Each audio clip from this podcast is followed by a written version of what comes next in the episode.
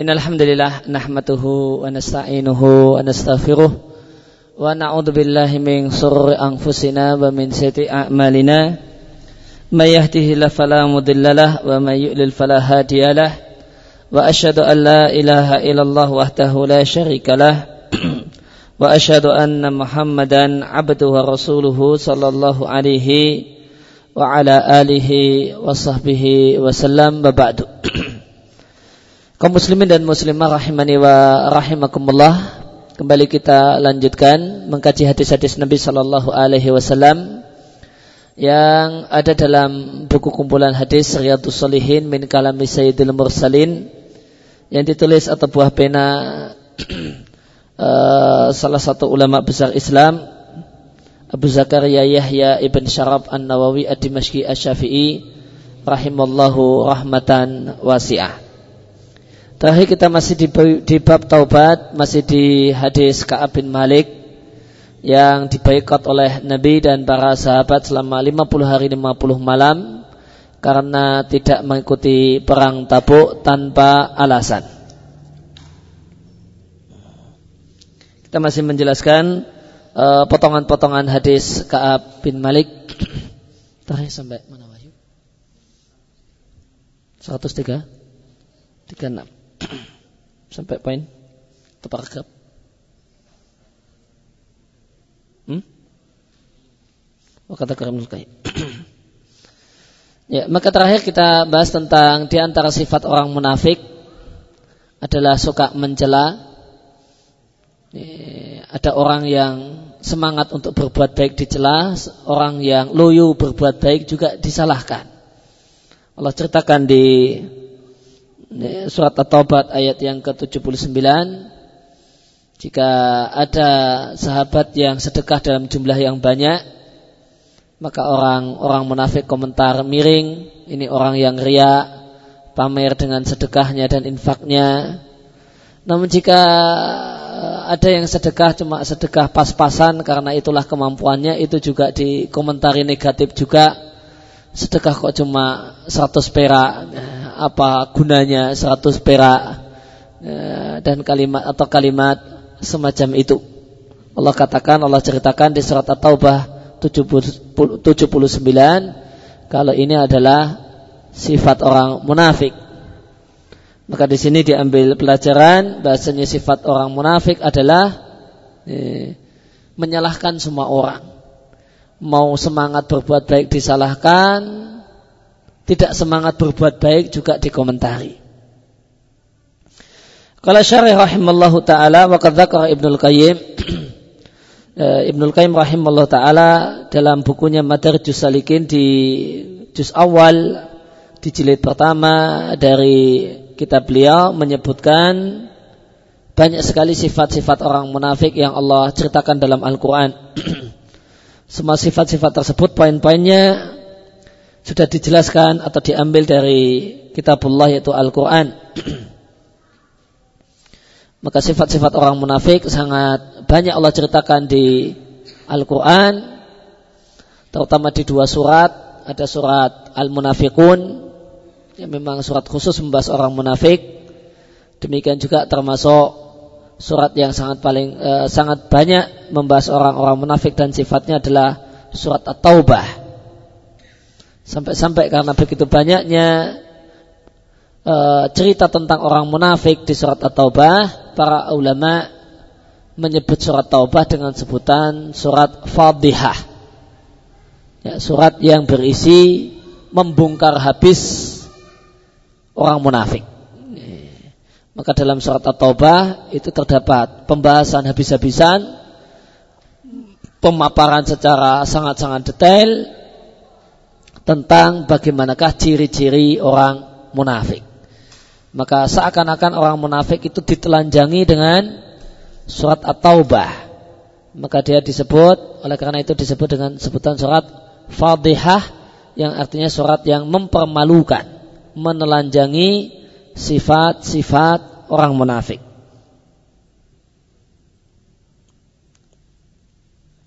Maka di antara sifat orang munafik jika kita lihat seorang yang eh, orang yang mengomentari orang-orang yang berbuat baik ketika ada orang yang semangat berbuat baik dikomentari dia adalah orang yang mempersulit diri sendiri dia adalah orang yang menyusahkan diri sendiri. Demikian juga jika jika dia uh, di antara sifat orang munafik atau termasuk sifat orang munafik jika melihat orang yang berbuat baik yang itu sesuai dengan kadar kemampuannya maka dia katakan ini adalah orang pelit, Allah tidak butuh sedekah orang semacam ini. Maka jika kita kata ada seorang yang suka mencela orang-orang yang beriman, eh, baik yang semangat berbuat baik ataupun yang berbuat baik pas-pasan sesuai dengan kemampuannya, maka ketahuilah bahasanya orang yang semacam itu adalah orang yang ada pada dirinya sifat orang munafik wal billah. Sebagaimana Allah ceritakan di surat At-Taubah 79, alladzina yalmizuna al-mutawwi'ina minal mu'minina fi sadaqat. Mereka orang-orang munafik, mereka suka mencela orang-orang beriman yang dengan penuh sukarela dan semangat bersedekah. Walladzina la yajiduna illa juhdahum. Demikian juga orang mencela orang yang bersedekah sebatas maksimal kemampuannya yang itu nilainya tidak seberapa.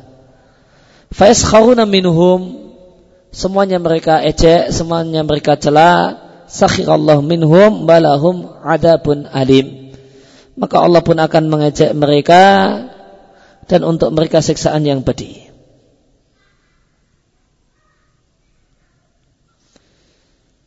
Kemudian uh, maka kita bisa uh, simpulkan dari potongan hadis ini hadis tentang uh, Ka'ab bin Malik yang menunda-nunda ya, keberangkatannya untuk jihad sampai akhirnya karena ditunda-tunda tidak jadi berangkat.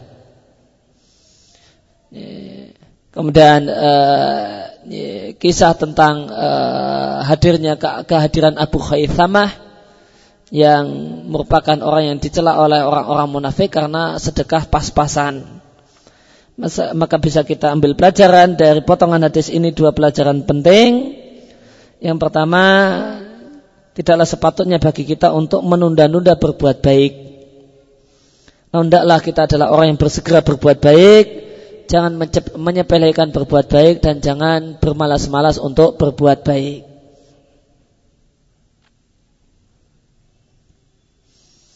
Karena menunda-nunda berbuat baik nanti dampaknya sebagaimana kisah Ka'ab bin Malik.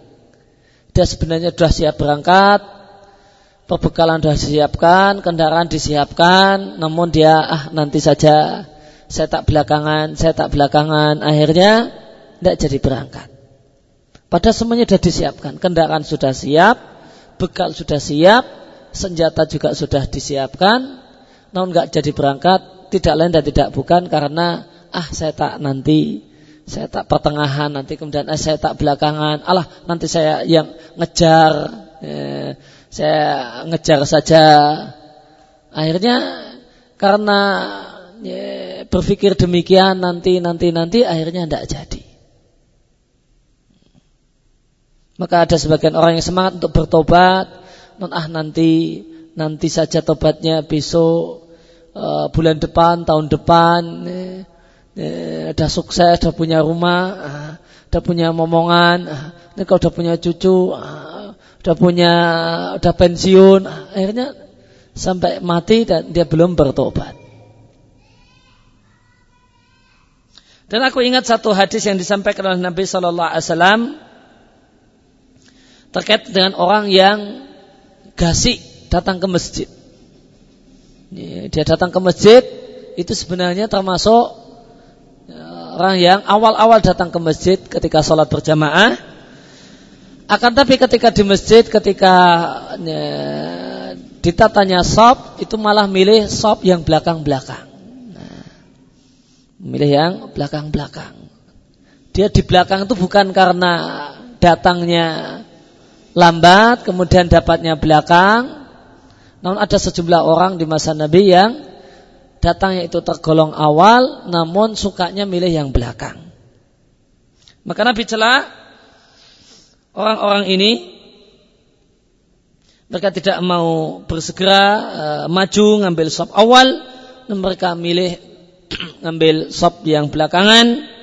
Maka Nabi celah sejumlah orang ini dengan Nabi katakan la yazalu qaumun yata'akharuna hatta yuakhiruhumullahu jika ada orang yang masih terus menerus saja milih yang belakang-belakang, maka Allah akan belakangkan mereka. Siapa yang suka milihnya belakang, padahal bisa dapat sop depan, di belakang bukan karena uh, bukan karena terlambat, maka siapa yang milih untuk belakang-belakang, maka Allah akan belakangkan dari kasih sayangnya, Allah belakangkan dari ampunannya, diampuni namun yang paling belakang, disayangi namun yang paling terakhir, sebagaimana dia memilih dalam sholat milih saya yang tak belakang saja. Ini celaan yang Nabi sampaikan dalam sebuah hadis yang sahih diatkan oleh Muslim untuk orang-orang yang sebenarnya bisa ngambil sop awal namun dia pilih saya tak di belakang, saya tak di belakang. Maka dari hadis ini bisa kita katakan jika seorang itu membiasakan dirinya untuk mengambil posisi belakang dalam ketaatan, maka Allah akan belakangkan dia dalam kasih sayangnya dan ampunannya. Maka segera untuk melakukan amal soleh, sejak datang permintaan dan seruan untuk beramal soleh tersebut dari Allah Azza wa Jal. Ini pelajaran penting dari pengalaman Ka'ab bin Malik yang tidak jadi berangkat perang gara-gara ah nanti, ah nanti, ah nanti. Sampai akhirnya sehingga jadinya tidak jadi berangkat. Kemudian pelajaran penting berkaitan dengan sifat orang munafik. Maka orang-orang munafik adalah orang yang suka mencela orang-orang yang beriman. Jika ada kaum muslimin yang sedekah dalam nilai yang besar, maka mereka komentari ini adalah orang yang pamer. Namun jika sedekah dalam jumlah yang sedikit, karena itulah kemampuannya, mereka mengatakan Allah tidak butuh amalmu, Allah tidak butuh sedekahmu yang cuma satu sok yang cuma sedikit saja. Padahal sikap yang benar jangan remehkan sedekah meskipun itu sedikit. Terdapat eh, hadis yang sahih dari Nabi Shallallahu Alaihi Wasallam, siapa yang bersedekah dengan satu sedekah yang nilainya cuma sebanding dengan satu butir kurma. Ya, satu butir kurma berapa harganya? Ya, mungkin boleh jadi cuma 200 perak, 500 perak. Uh, min kasbin tayyibin namun sedekah yang sedikit tadi berasal dari uang yang halal. Hmm. Eh, dan uang yang haram itu pun juga tidak ada manfaatnya jika disedekahkan. Uang yang haram disedekahkan itu cuma untuk buang uang yang haram, namun tidak ada nilai pahalanya dan ganjarannya. Walayak pelullah ila tayyib dan Allah tidaklah menerima sedekah kecuali yang berasal dari penghasilan yang halal. Ya, adapun uh, uang haram itu diperintahkan oleh para ulama untuk disedekahkan, disalurkan untuk kepentingan sosial. Ingat, bukanlah dalam rangka untuk mencari pahalanya karena tidak ada pahalanya, namun semata-mata membuang harta yang haram. Fa inna Allah yataqabbalu yataqabbalu habiyaminihi maka sedekah asalkan dari yang halal. Meskipun nilainya sedikit maka Allah terima dengan tangan kanannya. Kemudian Allah besarkan. Allah kembangkan harta sedekah tadi untuk untuk orangnya orang yang bersedekah yang cuma senilai satu butir kurma sebagaimana salah satu kalian memelihara Ya, faluwahu ay muhrahu ay alhisan asghir anak kudanya dirawat dan dibesarkan sampai akhirnya yang kecil anak kuda tadi menjadi kuda yang besar. Maka sedekah yang nilainya sedikit itu Allah terima asalkan sumbernya sumber yang halal Allah terima dan Allah akan besarkan sampai akhirnya dalam pandangan Allah menurut Allah besarnya sebesar gunung.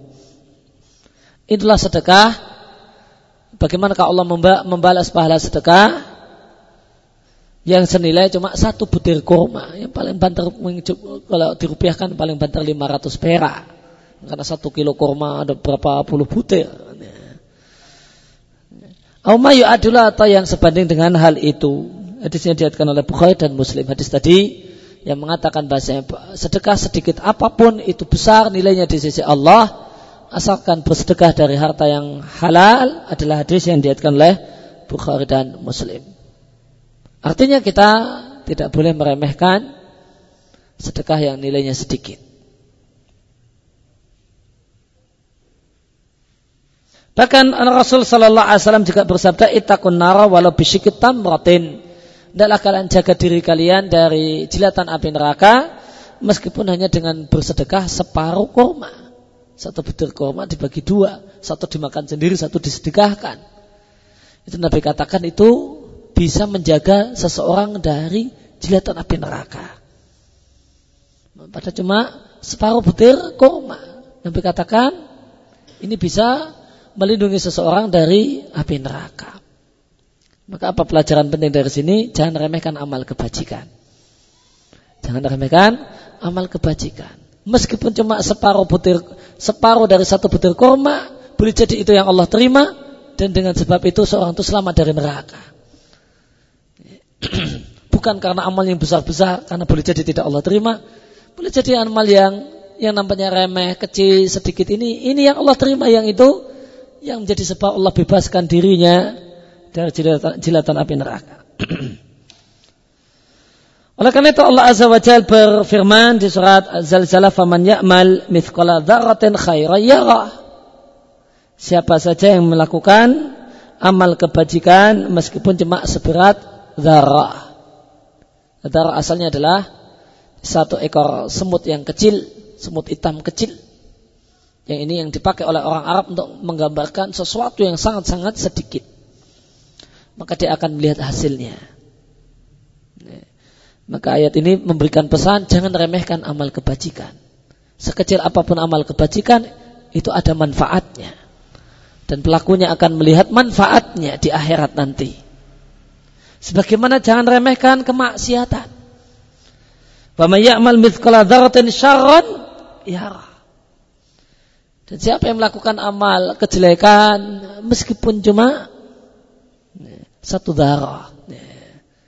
Meskipun cuma satu darah, meskipun cuma korupsi waktu lima menit gitu ya. Yang PNS. meskipun cuma korupsi waktu lima menit gitu saja. Ah, cuma lima menit. Apa-apalah lima menit. Maka jangan remehkan amal keburukan. Sekecil apa pun itu. Karena siapa pun yang melakukan amal keburukan, sekecil apa pun, sebesar darah sekalipun, ya roh dia akan melihat dampak buruknya. Tentu ini dia akan lihat dampak buruknya manakala dia belum bertobat.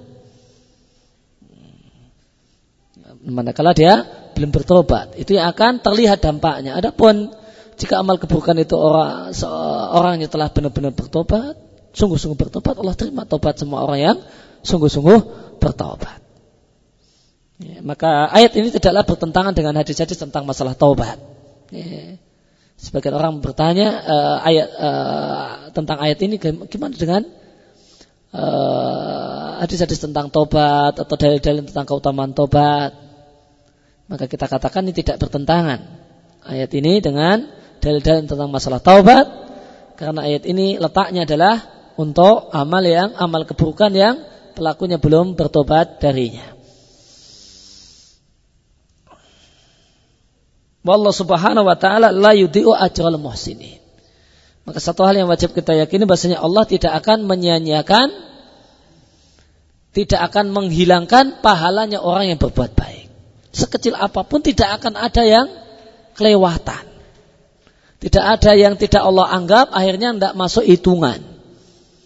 Semuanya Allah catat secara rapi, tersusun dan detail. Sebagaimana Allah tidak ada, tidak akan membuang dosa orang yang berbuat kebajikan, berbuat kebaikan sekecil apa pun, demikian juga keburukan. Kemudian kembali ke kisah Ka'ab bin Malik, maka kemudian Ka'ab bin Malik mengatakan tatkala akhirnya setelah dia ternyata tidak jadi berangkat perang tabuk tanpa sebab, tatkala sampai ke telinganya berita bahasanya Nabi Shallallahu Alaihi Wasallam Roja'a kembali pulang ke Madinah, kafilan pulang dari perang Tabuk, maka mulailah Ka'ab bin Malik berpikir apa yang akan dia katakan kepada Rasulullah Sallallahu Alaihi Wasallam ketika Nabi telah pulang. Maka Ka'ab ketika itu punya keinginan untuk menyampaikan perkataan yang bohong. Biar selamat. Supaya Nabi Shallallahu Alaihi Wasallam memakluminya. Maka mulailah Ka'ab bin Malik bermusyawarah dengan orang-orang yang pintar dari keluarganya apa yang alasan apa sebaiknya yang dia katakan dia sampaikan kepada Nabi. Walakin yakulu akan tapi beliau radhiallahu anhu mengatakan tatkala Nabi Shallallahu Alaihi Wasallam telah tiba di kota Madinah, hilanglah dari diri beliau semua alasan-alasan bohong yang telah disimpulkan, telah dikumpulkan, telah disusun rapi. Wah, oh, saya nanti akan ngomong gini, gini, gini, gini, gini, gini. Dan itu bohong. Begitu Nabi tiba, rencana rapi untuk ngomong bohong itu hilang semua. Wa azama dan beliau bertekad untuk menjelaskan kepada Nabi Shallallahu Alaihi Wasallam realitas senyatanya. Senyatanya saya tidak punya udur apa pun, alasan apa pun untuk tidak berangkat perang tabuk. Ka'ab bercerita maka tibalah Nabi Shallallahu Alaihi Wasallam ke Madinah dan menjadi kebiasaan Nabi ketika sampai di Madinah beliau tidak langsung pulang ke rumah namun masuk masjid terlebih dahulu. Di antara kebiasaan Nabi dan sunnah Nabi jika beliau tiba di kampung di kampung halamannya di tempat tinggalnya yaitu di Madinah maka yang pertama kali beliau lakukan adalah sholat di masjid salatu wassalam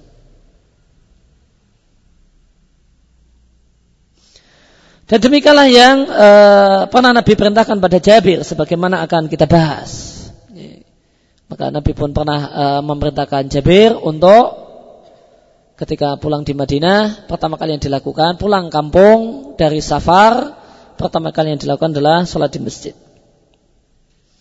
Maka Nabi masuk masjid dan Nabi sholat dan duduklah banyak orang. Oh, wajalah salinas kemudian Nabi duduk menerima orang-orang yang mau beralasan. Faja'a al-mukhallafun maka datanglah orang-orang munafik yang tidak ikut perang tanpa udur Lalu di hadapan Nabi mereka bersumpah-sumpah bahasanya mereka adalah orang yang punya alasan. Maka Nabi Shallallahu Alaihi Wasallam meminta mereka untuk membaiat mereka, mengambil sumpah uh, setia mereka untuk taat pada Nabi dan Nabi doakan agar Allah mengampuni kesalahan mereka. Namun itu semua tidak ada gunanya untuk mereka orang-orang munafik. Karena Allah berfirman di surat At-Taubah ayat yang ke-80 untuk orang-orang munafik yang merupakan orang kafir, Allah katakan istaghfir lahum aula tastaghfir lahum. Wahai Muhammad, seandainya engkau berdoa kepada Allah minta agar orang munafik itu diampuni, ataupun kau tidak berdoa, ya, meskipun kau berdoa untuk mereka 70 kali, Allah tidak akan pernah mengampuni mereka. Kemudian Kaab mengatakan, adapun saya, saya bertekad untuk jujur di depan Nabi alaihi salatu wassalam. Maka aku kabarkan kepada Nabi apa yang terjadi sebenarnya belak-belakan seperti apa yang ada. Maka aku masuk ke dalam masjid aku mengucapkan salam kepada Nabi. Nabi pun membalas salamnya dengan senyum namun senyum kecut. Senyumnya orang yang marah. Senyumnya orang yang tidak suka. Dan Nabi mengatakan ta'ala kemari mendekat. Maka setelah aku mendekati beliau, maka beliau pun berkata kepadaku, makhallafaka. Apa alasanmu sehingga engkau tidak ikut berangkat jihad? Maka Ka'ab bin Malik mengatakan, Wahai Rasulullah, aku tidak berangkat jihad bukan karena punya alasan. Aku tidak berangkat tanpa punya alasan. Bahkan belum pernah dalam satu peperangan aku punya dua unta yang bisa ditunggangi sebelum peperangan ini. Dan wahai Nabi, seandainya aku duduk di depan salah satu raja dunia, niscaya aku akan bebas dari marahnya dengan membuat-buat alasan yang meyakinkan. Karena aku adalah orang yang pintar ngomong. Uti itu jadalan. Aslinya, aku adalah orang yang pintar ngomong. merangkai kata. Sehingga aslinya salah pun jadi tidak salah karena kepandaian menyusun kata. Aku punya kemampuan demikian. Maka seandainya aku duduk ya, di depan salah satu raja dunia, niscaya aku mengetahui bagaimana cara supaya aku bebas dari amarahnya. Karena Allah memberikan kepadaku kemampuan bersilat tidak. Namun pada hari ini aku tidak akan berkata-kata kepadamu wahai Nabi dengan satu perkataan yang menyebabkan engkau suka kepadaku, senang kepadaku.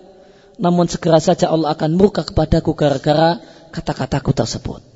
Maka aku akan, maka aku bicara apa adanya, aku tidak punya alasan. Maka perkataan eh, Ka'ab bin Malik ini di depan Nabi ini adalah perkataan yang luar biasa. Ungdur ilal iman. Perhatikanlah bagaimanakah iman yang besar yang dimiliki oleh Ka'ab bin Malik. Beliau mengatakan tidak mungkin bagiku untuk dusta kepadamu wahai Nabi.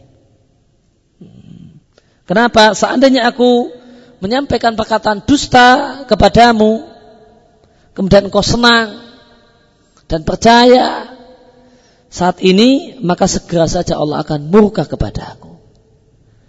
Maka alasan Ka'ab bin Malik kenapa dia tidak memanfaatkan kemampuannya bersilat lidah dan merangkai kata, beliau sampaikan alasannya adalah tidak lain dan tidak bukan karena takut murka Allah. Maka beliau meninggalkan maksiat, niat untuk bohong bahkan sudah dirancang. Mau ngomong gini gini gini gini gini yang bisa meyakinkan. Itu semua beliau gagalkan semata-mata karena rasa takut pada Allah Azza wa Jalla. Maka uh, Ka'ab bin Malik pun menyampaikan kepada Nabi Shallallahu Alaihi Wasallam berita yang benar, yang jujur, dan akhirnya Nabi memberikan tempo. Silahkan kamu pulang, tunggu kepastian statusmu sampai Allah turunkan wahyu.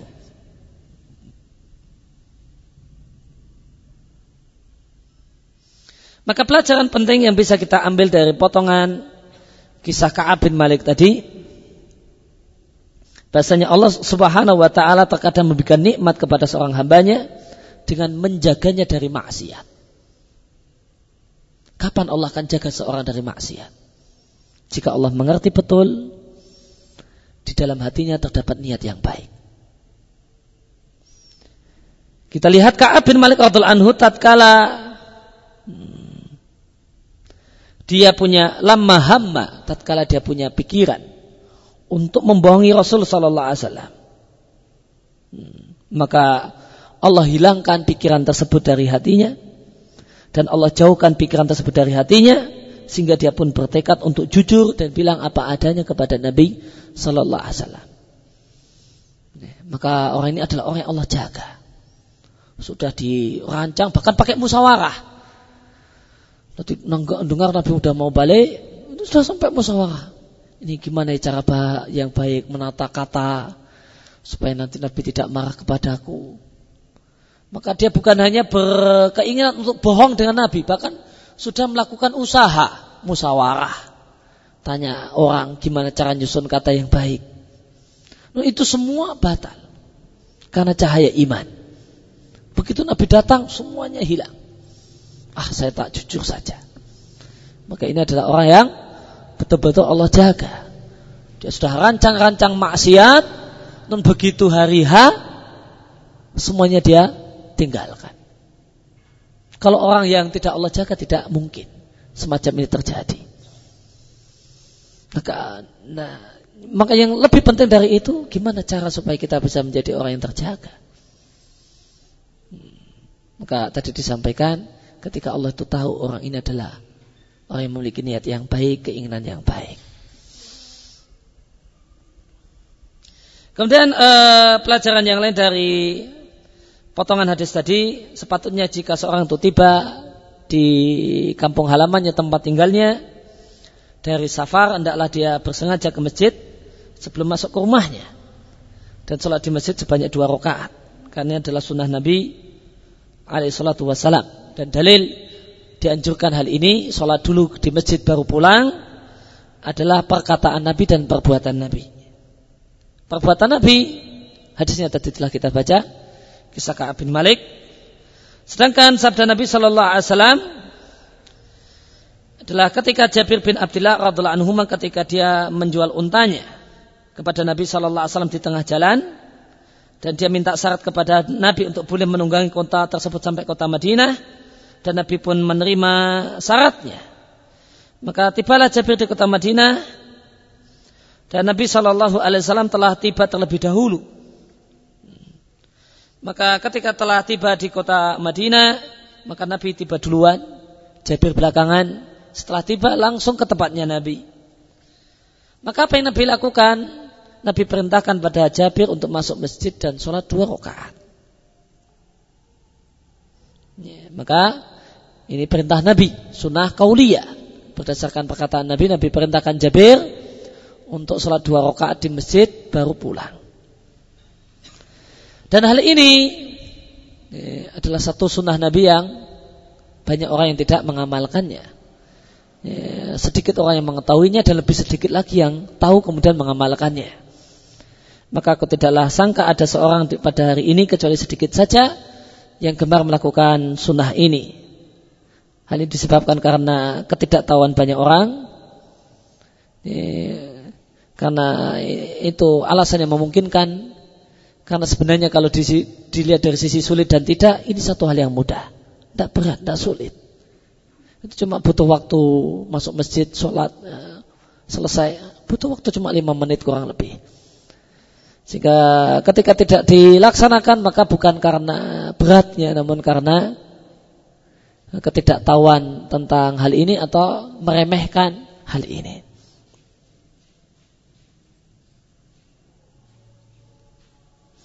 Dan berkaitan dengan e, masuk masjid ini, maka boleh anda sholat di masjid yang uh, Anda biasa sholat di masjid tersebut yang itu dekat dengan rumahmu atau boleh juga Anda sholat di, masjid terdekat di daerahmu, di kotamu yang engkau tinggal di kota tersebut. Maka baik ini ataupun itu engkau telah Anda telah melaksanakan sunnah. Ya, maka uh, disampaikan oleh Pensara Sayyid Muthaimin rahimahullah ta'ala sunnah sholat dua rakaat di masjid sebelum masuk ke ke rumah itu tidak harus masjid terdekat. Ya, kalau orang itu tinggal di ya, ya, orang ya, tinggal kurang lebih misalnya di sekitaran uh, eh, UGM gitu ya. Ya, ketika dia tiba, ya, boleh jadi uh, dia dari arah barat, maka sholat di Jombor atau di Monjali, ya, di sekitaran sana, meskipun dia orang Purwosari, nah, itu sudah sudah dapat sunnah sholat dulu dua rakaat di masjid baru pulang ke rumah. Jadi tidak disyaratkan harus masjid dekat rumah. Ya. Minimal adalah masjid di daerahnya. Ya. Gitu gitu dia masuk daerahnya lewat di situ ada masjid, ah mampir dulu. Nah, karena kalau masjid dekat rumah itu ya agak jauh, boleh jadi. Ya, agak masuk-masuk boleh jadi ini sudah masuk daerah saya, ini ada masjid pinggir jalan dekat, ah, saya tak mampir situ, sholat dulu dua rakaat, maka ini sudah mendapatkan uh, sunnah Nabi, uh, pahala sunnah Nabi Shallallahu Alaihi Wasallam sholat dua rakaat di masjid baru pulang setelah pulang dari safar atau bepergian. Demikian yang kita baca kesempatan malam hari ini. Wassalamualaikum ala nabiyina Muhammadin wa ala. Subhanaka Allahumma wa bihamdika. Asyhadu an la ilaha illa anta astaghfiruka wa atubu ilaik.